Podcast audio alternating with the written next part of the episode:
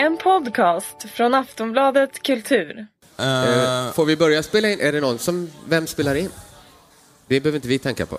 jag vet inte vad Patrik, han vinkar, jag tror att det betyder Patrik spelar in. Eh, ni får gärna eh, låta, alltså inte på något onormalt sätt, men normala publikljud. Det känns fjantigt om man sagt att det sitter publik och så hörs den inte. Vad sa du? Att Det känns fjantigt då. Ja, det känns som precis. ett misslyckande. man får skratta, kanske applådera, bua ifall det liksom är Nej, bra jag tycker inte de timing. ska bua. Jo, men det, Vi ser. Eh, ska vi börja då? Eh, med en vignett? ja. Ja.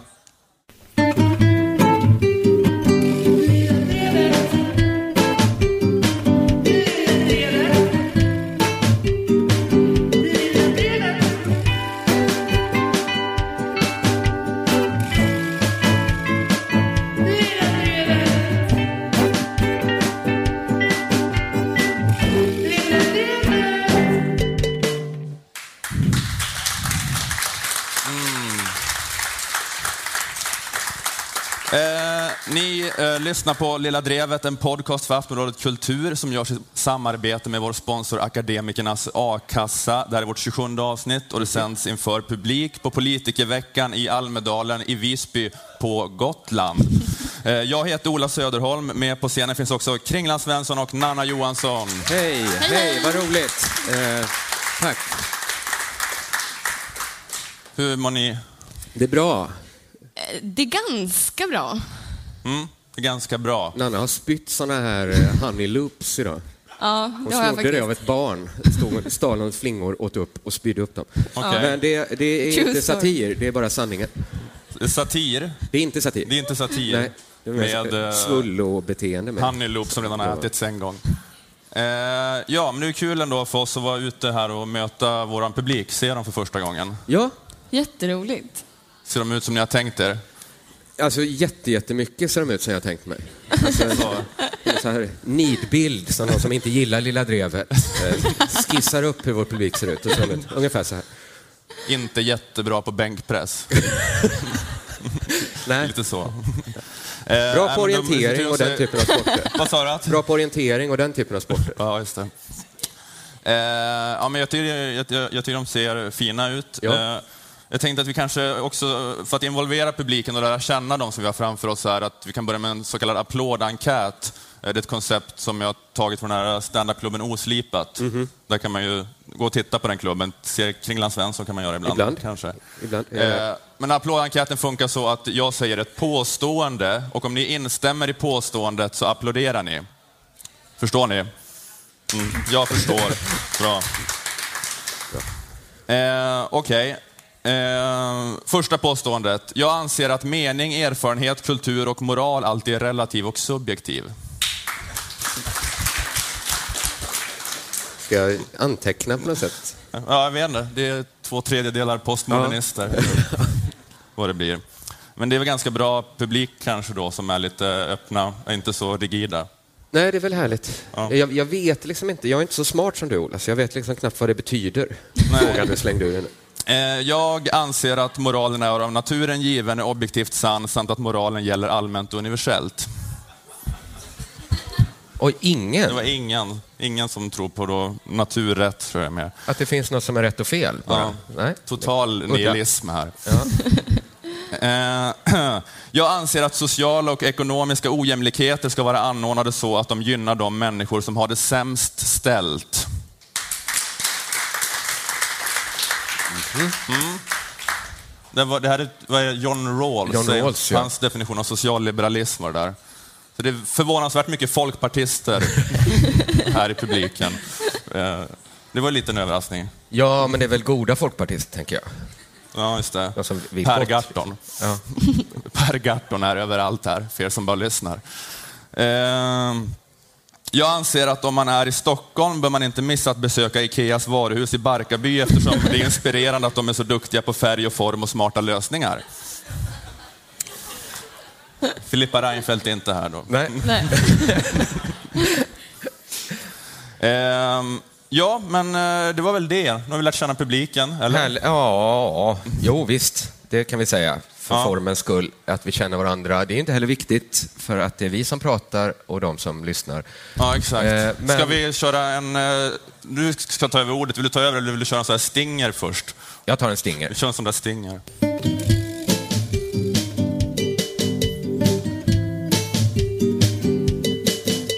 Så tack Ola för att du värmde upp publiken till sån extas så att det bara är att surfa på här nu.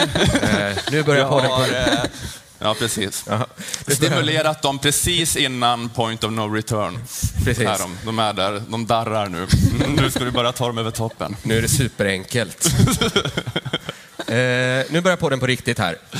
Eh, hörni, hörni. Jag vet, nu riktar jag lite till er då, som, för vi brukar göra så, men, men ni är ju inte exkluderade. Eh, hörni, hur blir man egentligen sverigedemokrat? Är det för att man saknar manliga förebilder? Är det för att Maria Sveland fått en att känna sig liten och rädd? Eller är det för att man är så passionerat förälskad i Sverige? Ni vet hur förälskade människor blir. Tokiga. Kärleken är ju som en psykos. Så man kan bara föreställa sig om kärleken är riktad till en hel nationalstat, så tokig man kan bli. Eh, ingen, ja, Men jag, jag tror det handlar om kärlek. det handlar mycket om kärlek, men jag tror eh, ingen vet väl riktigt vad det är som får en att bli sverigedemokrat. Men det är Eh, nog en kombination av det där då, för att om man inte haft en manlig förebild, om pappa har svikit eller familjen har svikit, då, då, är då har man inte haft den kärleken. Men då kärleken till Sverige finns ju alltid kvar och är villkorslös. Liksom. Ja. och Man får från ju Sverige. inte så mycket kärlek av Sverige. Man får kanske då från de andra i nationalistgänget ändå. Att Ja, det du, kanske du är man alltid svensk och det kan ingen ta ifrån dig. Jag tror inte ni behöver göra det så komplicerat, Nej. för nu vet vi hur man blir sverigedemokrat. Eh, man låter sig fotograferas bredvid Sverigedemokraternas pojkfotbollslag. Det är så man blir eh, sverigedemokrat. Eh, det fick eh, fotbollsförbundskaptenerna Erik Hamrén och Pia Sundhage erfara. Just det. Här på Gotland tog de alltså ett fotografi ihop med SDUs fotbollslag och därmed var det bevisat att de var Sverigevänliga. Eh, det som hände var alltså att Erik Hamrén och Pia Sundhage strosade runt i Almedalen, bekymmerslösa, kanske gick de och filosoferade lite. Livet är som en fotbollsmatch, säger Hamrén. Det går upp och det går ner och sen tar det slut, fyllde Pia Sundhage i. Vem skriver ner det här? frågade Erik Hamrén eh, som såg en aforismsamling komma flaxandes med ett fett förlagskontrakt. Eh, då kommer det fram ett gäng typer i fotbollströjor som säger vill ni ta ett foto med oss? Eh, och det var då Sverigedemokraternas fotbollslag. Det gick inte att se. De, alltså de spelade någon turnering Ja, olika ungdomsförbund, eller vad? Det var SDU va, som hade ett fotbollslag. Precis, men det gick ju inte att se att de var från SDU om man inte läste på tröjorna som alla hade på sig. Så Men jag kan verkligen förstå att man, inte, att man inte gör det. Eller Jag är själv så himla dålig på att ta in min omgivning. Du är dålig på jag fotboll, du är inte kunna... intresserad av fotboll heller. Nej, jag skulle inte Men i ditt fall handlar de det om att du inte ser alls. Du har väldigt dålig syn. Ja, det också. Och lite fåfäng. Nanna vill inte ha glasögon, för då tror hon att ingen vill ligga med henne.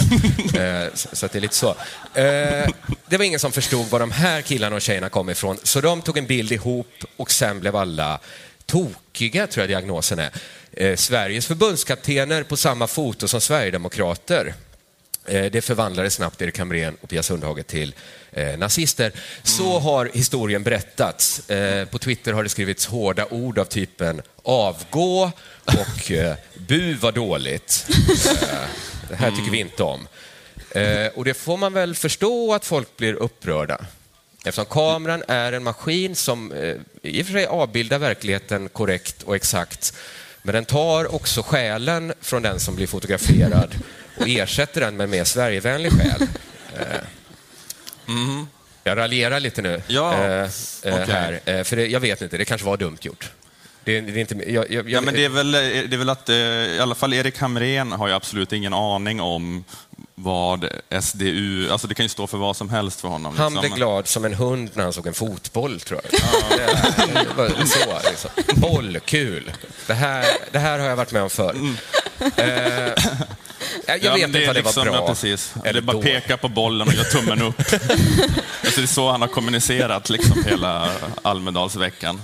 Precis. Så, ja. Eh, nej, men jag, kanske bara, jag vet inte, det var bra, det var dåligt, det var kanske konstigt gjort. Det spelar ingen roll. Jag tyckte bara det var lite sökt kanske att så många låtsades bli så arga för det. Men har Erik, har Erik Hamrén då nu låtsats be om ursäkt till alla som låtsas sig upprörda? Nej, han låtsades aldrig be om ursäkt för han tyckte, tyckte inte han behövde låtsas det. Eh, Det jag tycker, jag, det tycker jag är väldigt viktigt i sådana här mediedrev, att man vill ha den liksom konklusionen att någon låtsas be om ursäkt. Men okej. ja. nej, det har inte följt den uh, gängse dramaturgin. Nej. Eh, nej, men jag bara tyckte så här, alla förstod väl egentligen att de inte fattade ett dugg. Alltså att de inte förstod så här, vad det var för killar och tjejer de fotades bredvid. Eh, det fattar ju alla vi, eh, att de är ju bara här och lallar runt. Eh, det folk borde fråga sig är väl eh, varför det är så många som är här och bara lallar runt. På den här veckan som är vigd, en liten vecka som är vigd åt bara politik. Varför är det så mycket lallare här? Det kan man väl fråga sig. Vilka liksom räknar du in i kategorin lallare? Nästan alla, skulle jag säga. Jag tycker vi, vi klarar oss lallare? precis. Nej, vi klarar oss precis. Ja, men detta är ju inte en fest för fotbollsspelare och andra lallare. Det här är ju en festival för oss som varit med i elevrådet. Det här är ju vårat kul. Varför ska det komma hit fotbollsspelare som redan har sitt kul? Hit och ta av vårat kul. Tror ni att det var lätt att vara Ola Söderholm på högstadiet? Nej, han härdade ut. Han tänkte en dag kommer mitt kul. På Almedalen, då är det jag som har kul och fotbollsspelarna som har det tråkigt. Samma sak med Nanna. Tittade avundsjukt på tjejerna som gick runt som vandringspokaler och tänkte en dag får jag mitt kul. Det blir på Almedalen. Då stannar lallarna hemma. Men så är lallarna här. Det tycker jag är det beklagliga i den här historien. Mm, att de är liksom, eh, att Erik Hamrén kommer hit och liksom gör tusen nålar på mig. Precis, toalettdöpen Det tar Anna. aldrig slut. Kan inte livet få vara lite rättvist? Eh, för det är väl inte en sån himla skräll om då, alltså man behöver liksom inte leta med ljus och lykta för att hitta något lite Sverigevänligt Erik Hamréns och Pia Sundhages verksamhet. Det är ju aningen nationalistiskt att de valt att arbeta med att leda en låtsasarmé som kämpar i Sveriges namn. Att de leder massa unga människor som iklädda Sveriges flagga kämpar mot andra länder. Att vi hejar på ett lag bara för att de som spelar där är födda i samma land som vi är. Och det landet är Sverige. Det är vad deras jobb går ut på. Att få folk att heja på Sverige och känna genuin glädje när det går bra för fosterlandet. Jag vet inte, det kändes kanske lite sökt om de råkar vara på ett foto med några killar och tjejer så de inte fattar vilka de är. Ja, men de kanske vill stå för en mera inkluderande nationalism. Jag vet inte. Det här är bara en jättetråkig invändning. Jag försöker bara en invändning, jag försöker bara en invändning för sakens skull. Jag tycker det är liksom Som skapar det dynamik. här. fina så här att det måste liksom inte sluta med en jättebra poäng i en sån här podd. Man kan liksom bara så här hoppsan spela en sån här. Fan. Så, så är man ute ur skiten. Eh, nu är det... Nu ska Nanna prata. Nu ska jag prata, äntligen. Eh, jag tänkte passa på att prata lite om Kristdemokraterna. Eh, för du vet man ju inte hur länge till man kan göra det eh, och ändå göra sig förstådd. Jag tänker att KD kanske kommer bli lite som LP. Att bara så tio år framåt så vet ingen ungdom vad det betyder. Så vi får passa på nu innan de eventuellt åker ut i höst. Ehm, Ska Ja. du skämta om en utsatt minoritet nu? För det har jag gjort och det var inte populärt. Nej, men jag tänkte prata om deras partiledare Göran Hägglund som eh, höll sitt tal här i måndags. Det presenterades så här. Det har blivit dags för Kristdemokraternas partiordförande Göran Hägglund, Sveriges roligaste partiledare. Det har blivit... Sveriges roligaste partiledare. Mm, hur var talet då? Var det roligt? Eh, vi kan fråga SVTs statsvetare Jenny Madestam. Det var ett väldigt humoristiskt tal. Det, det var ett... Ja, det var väldigt humoristiskt. Men inte bara vanligt Humoristiskt roligt. utan- som kanske inte liksom direkt betyder roligt, utan mer att man erkänner att det fanns en ambition att vara skoj. Ja, Tage Eh. Danielsson hade inte vänt sig i sin grav.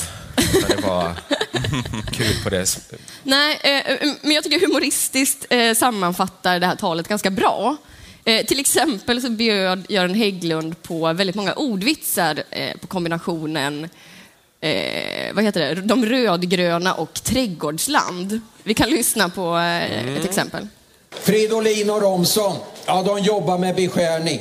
De tycker att Sverige har för många försvarsgrenar. De tar i så det skär i löjtnantshjärtan. Rosmarinen avskaffas. Här ska inte skjutas några som helst skott. det är... Ja, eh, nej men jag, jag har inte tänkt recensera skämten i sig. Men det är ju Men- klart att det inte är roligt på riktigt. Sådär så att man skrattar med Göran. Nej, men det är väl, eh, ja, var det inte så att Göran Hägglund var Sveriges roligaste politiker tills eh, folk sa det till honom? Jo, jag kommer dess- komma till det här. Ja, precis. Det är kanske som en sån här katt på Youtube, att det är roligt när han gör något och inte tänker på det. Men sen är det svårt liksom att upprepa det. det. Så här, man kan inte få honom att hoppa ner i en låda. Ja, men det är liksom, men, men, han är väl rolig om etiketten är politiker, men etiketten är komiker... Ja. Okej, jag Det, förekommer. det, det, nej, men det krävs ju inte så mycket för att vara en rolig politiker. Eh, och jag tror att Göran ligger på en väldigt bra nivå där. Eh, en politiker ska kanske inte vara rolig på riktigt, eh, precis som en gynekolog inte ska vara för rolig. Eh, det är ändå en person som man ska kunna lita på. Men jag, Eh, han känner den här pressen nu också, att eh, han har fått själv, att just det är den här självmedvetenheten om att han Ja. är rolig som har förstört allting, tror jag. Att, Ja, eh, precis. För det, det, det jag noterade under det här talet var hur otroligt glädjelös leveransen av de här skämten var. Eh, det var som att det fanns liksom inte en enda glimt i ögonen. Det var som att skämtandet var ett tvångsbeteende som man bara ville så här dra igenom. Ja, för, för att inte recensera hans humor så tycker jag toucha någonting. I Sjöstedts land får ingen ha rot. Det är ett norotsland. Ja. Eh, Norotsland har alltså tagit engelskans no och Betyder uttalade inget. no eh, för att få till den här ordvitsen. Eh, ja, eh, det, men fan så många blommor finns det väl inte? Nej, Och, Nej. Eh, att, eh, men jag tror att, att Göran Hägglund kanske inte var supersugen på att stå och dra trädgårdsskämt, men att han nu har de förväntningarna på sig, precis som du var inne på. Eh, alla säger så, åh han är ju sån, regeringens lilla roliga. Eh, det har han ju fått höra alltid, åh Göran är så rolig. Han visste att en massa tanter och farbröder skulle gå och köpa sånt naturgodis att ta med sig till parken för att riktigt kunna sitta och mysa under det här talet. Och nu kommer Göran att leverera årets skämt, eh, sa de. Men jag tänker så här, även positiva förväntningar kan ju få en att låsa sig som människa. Så här är jag, eh, tänker man, fast man kanske inte alls ser det längre. Nej, nej. Eh, och jag tänker så här, Hägglund har kanske kommit på att han har en väldigt djup sida som man önskar att folk kunde se. Eh, natten innan det här talet kanske han vaknade så helt kallsvettig med bultande hjärta och låg och tänkte på sin egen dödlighet eller hur stort universum är eller något Ja, sånt. vad händer när mamma och pappa dör? Då Ja. har jag inga rötter, då blir jag en norot, kanske han tänkte. Och då, Så kanske han tänkte. eh, vad blir jag för ett fritt svävande stoftkorn i universum då? Precis. Eh, det kan ju börja så. Eh, Men sen, så fort det går upp så kommer ju såklart någon tjomme från partiet och berättar att hon redan har börjat värma upp skrattmusklerna. Och då måste han gå upp och dra ett trädgårdsskämt om att Gudrun Schyman bränner pengar. Schyman vill förstås också vara med. Hon tar genast ett feministiskt initiativ och bränner alla klöver. Det skrattet också. Det ska- Det, ja, det går verkligen hem. Eh, Men efter hans tal så är ju också det här det enda folk fokuserar på, att han har dragit skämt. Fast han också la en jättestor del av talet på att prata om väldigt deppiga saker. Superdeppiga saker, eh, till exempel en tant eh, som har cancer. Eftersom hon inte får cellgifterna i tid så hinner cancern sprida sig. Marianne dör. Eftersom hon Ja, Det kom ingen ordvits där. nej, Nej. nej. Eh, men det är ju ingen som Så, kommenterar som man sår får man skörda. Skulle inte rökat så mycket, Marianne. Eller det kom ingen sån uh, trädgårdsvits där? Nej. nej. Som man sår får man skörda. Jag försöker bryta ner den här biten. Ja, men det är ingen som kommenterar det här. Det är ingen som kallar Göran för Depp-Göran. Sveriges eh, mest party-pooping partiledare. Nej, man minns ju det glada. Man minns det glada. Eh, men det är lite så, han får bara ha ett personlighetsdrag, fast det kanske är lite mer som de eh, grekiska teatermaskerna. En är jätteglad och en är jätteledsen. Så kanske Göran är mer. Man får vara ledsen när han kommer hem till sin familj. Man var glad i det offentliga, lite som, som alla andra får ha det. Får han ta tag i sin fru och så skaka henne och skrika jag kan inte höra skratten längre. Jag hör inte skratten längre. Jag är ett hål, jag är bara ett hål. Jag känner hur jag bara faller. Jag bara faller genom universum. Stoppa ett frö i det hålet så växer något glatt upp, säger hon. Det ska väl inte vara så komplicerat. Men jag är full av skit. Gödsla med den! Så ska det spira en buske. Du borde jobba som hans skämtskrivare. Ja, Det nu har var Ola det jobbet. fakturerade en halv dag för Göran Hägglunds tal. Ja, men jag tror att enda sättet att få att liksom, eh, befria honom från den här låsningen, det är att man inte pratar om honom som rolig längre. Då kanske han skulle bli rolig. Det kan man få börja prata om honom på något annat sätt. Att man förväntar sig att han ska prata om cancer och så blir det Precis. Ja, jo, det är mycket så med förväntningar. Ju. Ehm, så, så det kanske är det vi, media, borde göra. Kalla honom tråkig lite oftare. Kalla honom emo-Göran. så har han någonting att eh, Ja, studsa mot. Emo-Göran som står och kladdar läppstift runt munnen framför spegeln. Och så.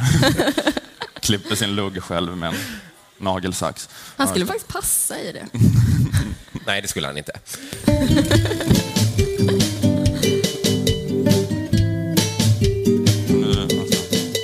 Eh, Det känns som vi har varit superotydliga i de här 26 första avsnitten om vem som är vår sponsor.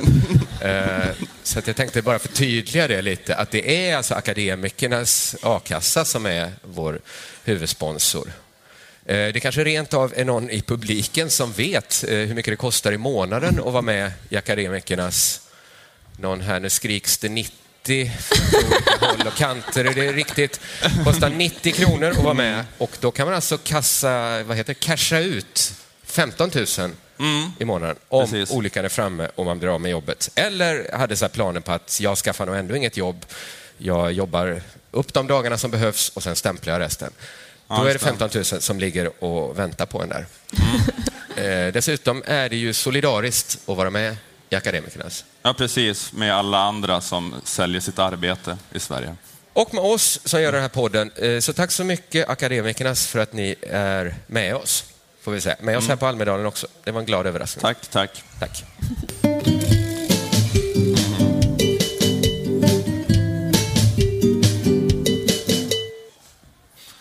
Vi ska prata lite om infrastruktur nu. Spännande. Yay!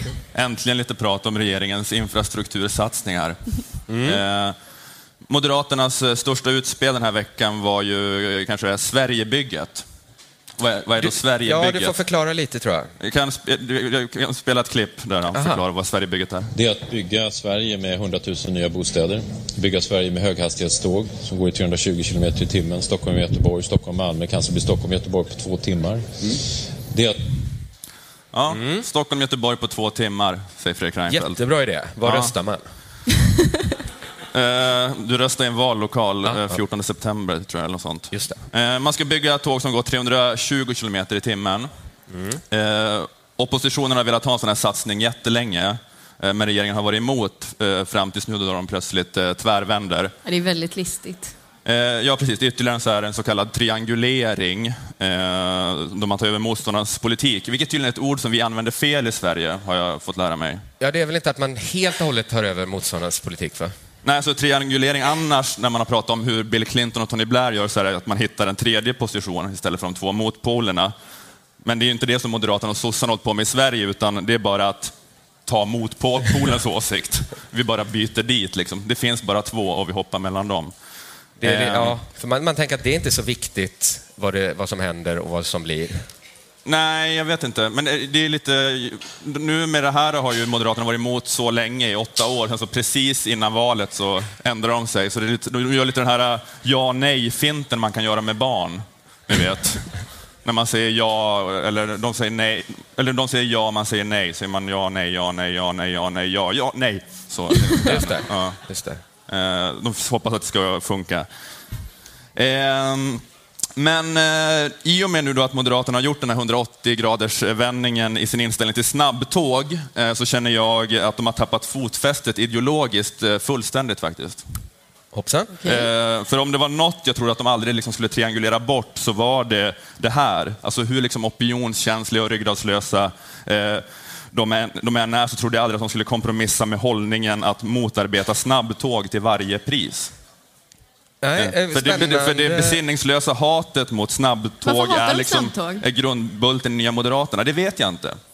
Det är, liksom, det är det som har varit, eh, det, det, där har de inte liksom varit ute och så här, varit opinionskänsliga, utan det är, det är fast. Liksom, Men- där, där styr de, de låter sig inte styras av opinionen. Just det, men är det en klassisk höger-vänster-fråga det här tåg som går lite snabbare än andra tåg?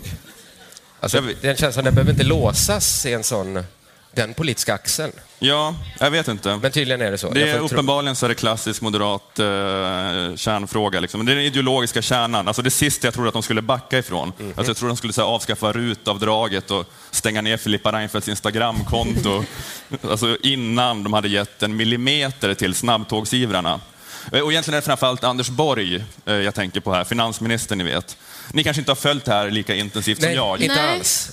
Ni har inte det? Har inte det intresset för tåg faktiskt? Nej. Jag trodde Eh, det var något som de höll på med i Kina kanske, så här snabba tåg. Mm. Att det skulle dröja lång tid innan. Ja, men det är så att eh, Anders Borg liksom, han, helt, han tappar helt greppet när det gäller frågan om snabbtåg. Eh, det är som ett rött skynke för honom. Alltså, han kan inte tänka klart för att han, liksom, han avskyr det så intensivt. Eh, vi kan eh, lyssna på ett klipp när han pratar om det. Att bygga science fiction-tåg som går på magneträls, bygga en science fiction-magneträls. Vi ska inte bygga några science fiction-tåg. Ja. Har han varit med om något trauma som involverar ett snabbt tåg? Sett så här sin hamster stå på rälsen och bara måste hinna fram, hinner inte, eh, hatar tåg. Det drömmer han varje natt. det drömmer han varje natt. Men han har hittat på att hans motståndare vill bygga science fiction-tåg som går på magneträls.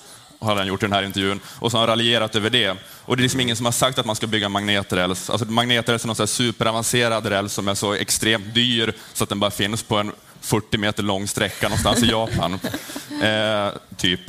Eh, men i en intervju efter den här intervjun så fick Borg frågan vad han menade med magneträls. Då sa han att det är skitsamma magneträls, det är hur som helst och det är science fiction att tro att vi ska kunna bygga en bana som går över 300 kilometer i timmen. Eh, vilket är det man planerar nu. Eh, och, de, och det man planerar är att bygga exakt samma typ av bana eh, som vi har idag, bara rakare. En Det har du ju själv att det är science fiction Ja, att precis. ett, ra- ett tåg som går rakt. Den teknologin att dra en rät linje från punkt A till punkt B, Nej. den finns inte. Inte Det är ännu, kanske i Det framtiden. är som artificiell intelligens och kolonisering av rymden, någon slags utopi, det här med raka streck. Ehm, nej men precis, för att eh, är man, är, har man bara rakare bana så kan man köra över 300 km i timmen. Alltså det går inte nu eftersom att vi har en väldigt krokig järnvägssträckning som vi byggde på 1850-talet. Eh, Så Anders Borgs definition av science fiction är alltså en järnväg väg byggd senare än 1850-talet. Eh, Det är orimligt och bara en utopi. Eh, och den första delen av det här nya järnvägsprojektet, det var så här att göra en ny sträckning mellan Järna och Linköping som kallas Ostlänken. Och bara att höra, höra ordet Ostlänken, det har liksom så här fått Anders Borg att darra utav ilska.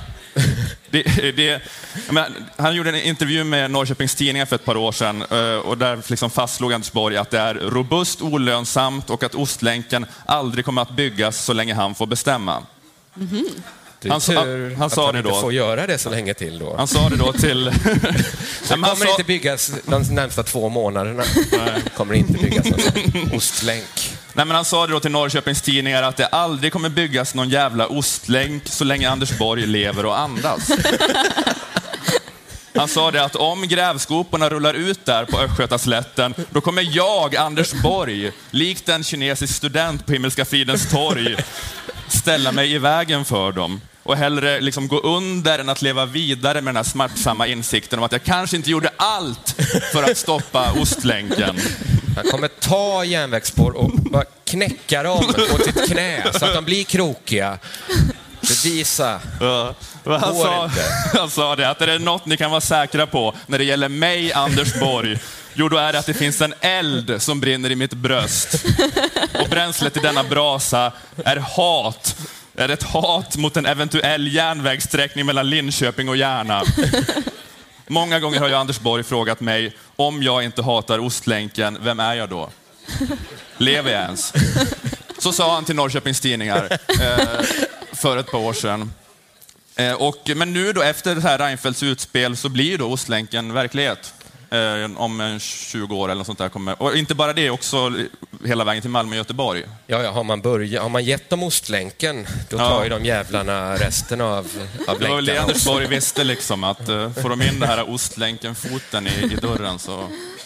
Det är Eh, svårt, har man väl vant sig vid att åka så snabbt mellan, vad var det, Gränna och Linköping? Järna och Linköping. Gärna, och- ja, när man håller på att åka Är det mycket. så många som åker där? Ja, ja, Ja, herregud. men alltså man Det är ju åker från alla som ska Stockholm till Järna. Järna. Och sen, Det, Eh, ja, jag vet inte. Nej, men jag bara tänker att jag, alltså Anders Borg har inte uttalat sig efter det här, efter det här utspelet om eh, Sverigebygget. Och jag bara undrar hur Sitter han, han och gråter? ja, jag vet, undrar hur han mår. Liksom. Att han har blivit så våldsamt kastrerad, tänker jag. Av sin bästis Fredrik. är han här i Almedalen ens? Jag vet inte. Han kanske är på Östgötaslätten. Och... Har grävt ner sig så bara huvudet sticker upp. Ja. Ja, Ja, men det var typ eh, det. Det slutade i moll det här, va? Va? Ja. Det slutade i lite molltoner. Vi Eh, får inte vara rädda för det. Vi får inte bli Göran Hägglund, att det är bara den här eh, hysteriska clownen som måste skratta hela tiden. spela en lite glad melodi.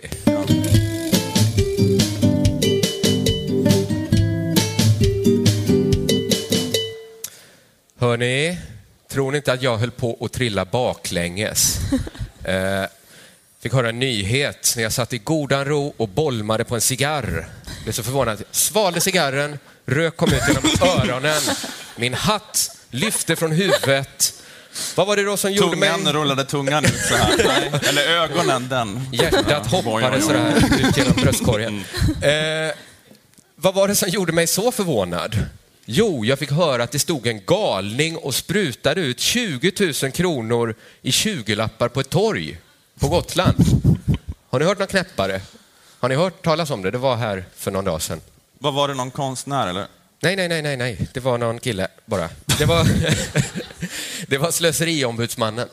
Eh, Jag skojade där bara. Jag tyckte inte det var en så fascinerande historia att han sprutade ut 20 000. Jag hade ingen hatt som hoppade sådär. Vad kallade han sig, slöseriombudsmannen? Han kallas, det är alltså Martin Borg eh, som har ett alter ego som är slöseriombudsmannen. Nu är inte Martin Borg så känd själv så att han kanske först skulle mutat in namnet Anders Borg innan han lanserade ytterligare ett ego. Men det, det var då alltså en aktion mot slöseri. Så sköt han ut 20 000 kronor i 20 000 lappar över torget. Eh, ibland är Martin Borg bara Martin Borg och ibland förvandlar han sig och blir slöseriombudsmannen som gör den här typen av aktioner.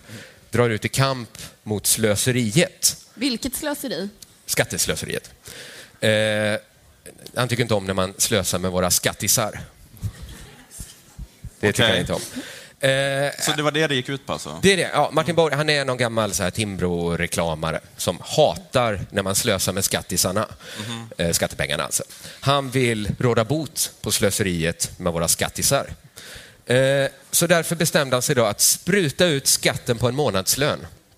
Om man tjänar 25 000 eh, kronor i månaden så betalar man enligt Martin Borg 20 000 kronor i skatt. Det lite olika hur man räknar. Du ser brydd ut här Ola, men det är lite olika hur man räknar. Vissa säger att vi har ännu lite lägre skatt i Sverige. Men Martin Borg säger att den är 20 000 på en vanlig svensk lön på 25 000 Man har kronor. 5 000 ut. Eller är det liksom så här alla, vad menar han då, så skatter på Moms, och sånt där. Men moms. sen har är man då... momsen så hög? Ja, fråga Martin Borg, det han har räknat jättenoga på det här. Eh, men man har också då 5 000 kronor att köpa precis vad man vill för eh, varje månad. Det här då, de här 20 000 kronorna sprutades då ut i en magnifik manifestation. 20 000 kronor växlade till 20-lappar, tusen stycken 20-lappar. Mm.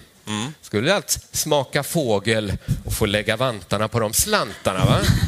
Det får ni inte, för de pengarna slösas bort i skatt. Eh, tur då att slöseriombudsmannen kan rycka in. Eh, vi vet att han hatar slöseri och därför gör han nu ett sista offer, ett sista slös. Jaså? Han slösar ju bort de här. Det, får man ändå, det var ju lite slösigt att Ja. slösa bort 20 000 i 20-lappar. Så. Men det är ju för att vi ska lära oss och i framtiden aldrig slösa mer. Så därför det här sista slösoffret på 20 000 kronor. Som slösas ut genom en kanon, slösas över hela torget där folk bara kan ta och ta av hans slös. Det, som, Eh, det som hände dagen efter det där då var att de la- lanserade den här satsningen på 500 miljarder, då, regeringen, att bygga. Ja. Så det, var, det, liksom, det slog bakut direkt. Då, De, regeringen hade en ännu större slöskanon, menar du? Där de kunde slösa ännu mer. Eh, jag tyckte det var tydligt så att den här manifestationen skulle uttrycka slöseri. Det kan man väl enas om. Men visst var det så att Gudrun Schyman eldade upp 100 000 kronor för fyra år sedan? Ja, just det. Är det inte sinnessjukt lamt att ta en idé som alla vet inte är din och sen göra den mycket sämre? Jag tycker det låter inte så bra. Alla har nyss sett någon elda upp fem gånger så mycket pengar. Då känns ju inte 20 000... Det känns lite snålt. Ja, precis. Precis. Jag tycker inte alls att det utstrålar slöseri. Om Gudrun nu eldar upp 100 000 och han bara 20 000, vad händer med de 80 000 kronorna? Har han sparat dem eller? Skulle inte han slösa? Är det Sparombudsmannen eller? Bra aktion, Sparombudsmannen.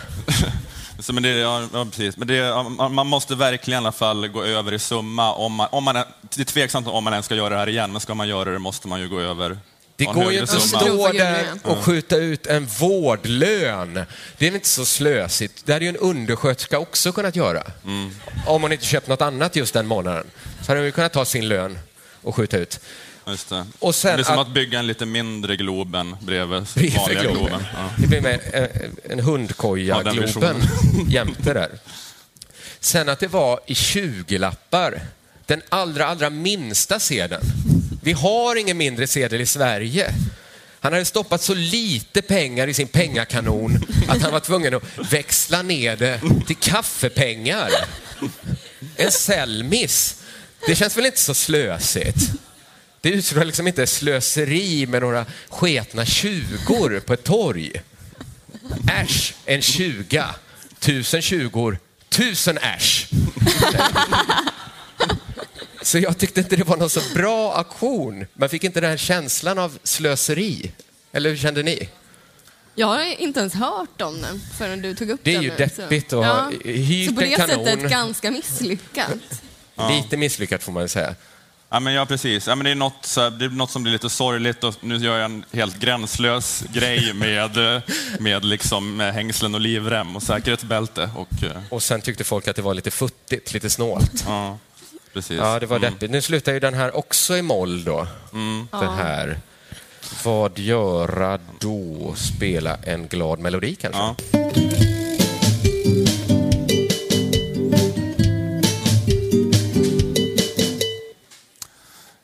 Det här, var, eh, det här var vårt program, va? 27 Var det, det avsnittet om av Lilla vill Drevet. prata lite om Mona Sahlin har hon eh, Ja, sagt. men det, det här är vad jag har förberett. En liten post-it-lapp. för er som lyssnar på podden håller Nanna upp en jätte, jätteliten lapp. Ja, jag kan läsa högt från den. Mona Sahlins nya roll är med i precis alla politiska paneler i media. Det är inte upplagt för kul. Alla skämt är inte färdiga, det är de inte. Men, Nej, men hon är ju med överallt nu. men är din spaning att folk numera vill ta i Mona Sahlin med tång? Alla vill ta henne. Bara, ta henne, sätta henne i någon slags tv-soffa. Är det här din spaning om alla offentliga personer? Nej, Hon är ju med precis henne. överallt. Ja, men jag kan ändå bli så imponerad av det. Ja, men okej, Hur jag håller med. orkar man? När hon var partiordförande så behandlades hon som en leprasjuk och fick inte vara med någonstans. Men nu när hon liksom är en vanlig så här tjejtant så får hon vara med överallt. Ja, men hon blomstrar ju nu. Hon har ju aldrig mått bättre. Nej, det får stå för dig. Jag, jag tycker också det är en munter tjejtant som vi ser lite här och där. Jättemunter. Men vi pratade lite om igår eh, hur hon får sina outfits att räcka till alla de här mediesammanhangen. Jag står med typ i 25 paneler på en dag i Almedalen ja. och har en ny outfit varje gång. Jag satt och kollade på sändningar från Almedalen och hon var med i alla. Eh, och har verkligen så här, någonting nytt fräckt på sig varje gång. Till exempel så här kamouflagemönstrad eh, tuff topp. Eh, jag undrar vem har liksom flugit in hela hennes garderob? Det måste vara så mycket kläder hon har tagit med sig till Almedalen. Så Amerika-koffert full. Visst. Är det Håkan Juholt som bär runt på den? Det är så taskigt, Ola. Ja. Att han skulle bära runt på Mona Sahlins Amerika-koffert. Att han inte skulle ha något annat nu att göra. Hon sa att hon skulle hitta någon uppgift åt honom inom partiet. Jag vet inte vad jag gör. Det blev så här, surra en Amerika-koffert på taket på ett flygplan. ja, eh, det är roligt för Mona att få vara med lite, vara på ettan på Resumé till exempel. Ja. Alldeles nyss såg vi. Eh, Man ser hennes ansikte överallt. för Håkan Juholt att han inte får med någonstans. Men det är väl inte mer än rimligt, för ingen tycker ju om honom. Eh, så kan det vara. Nej. Eh, va? Okej, ska vi Nej, sluta? folk ska vi folk sluta älskar med honom här? Ska vi- jättemycket, det är därför han är Vi höll på partiordförande. att sluta glatt, Ja, men- så drämmer du till med att han skulle vara oälskad. Det är ont i magen-tema. Det är ju glatt för oss sluta och alla det ska som inte är magen. Håkan Juholt. Man får hitta en gemensam fiende. Eh, och har man ingen fiende så får man hitta någon som bara ser ut att vara lätt att sparka på, helt enkelt. Eh, så kan det vara. Eh, det här var väl Lilla Drevet? Det var Lilla Drevet 27 avsnittet eh, från Almedalen. Sen så vi drar igång vår ordinarie säsong 15 augusti, tror jag. Då kommer det vara fredag efter fredag. Eh, tack så mycket. Kringla någon annan? Tack Ola, tack publiken. Tack kära Tack publik. så mycket. Eh, tack igen till vår sponsor Akademikernas A-kassa. Tack Aftonbladet Kultur. Hej då. Hej.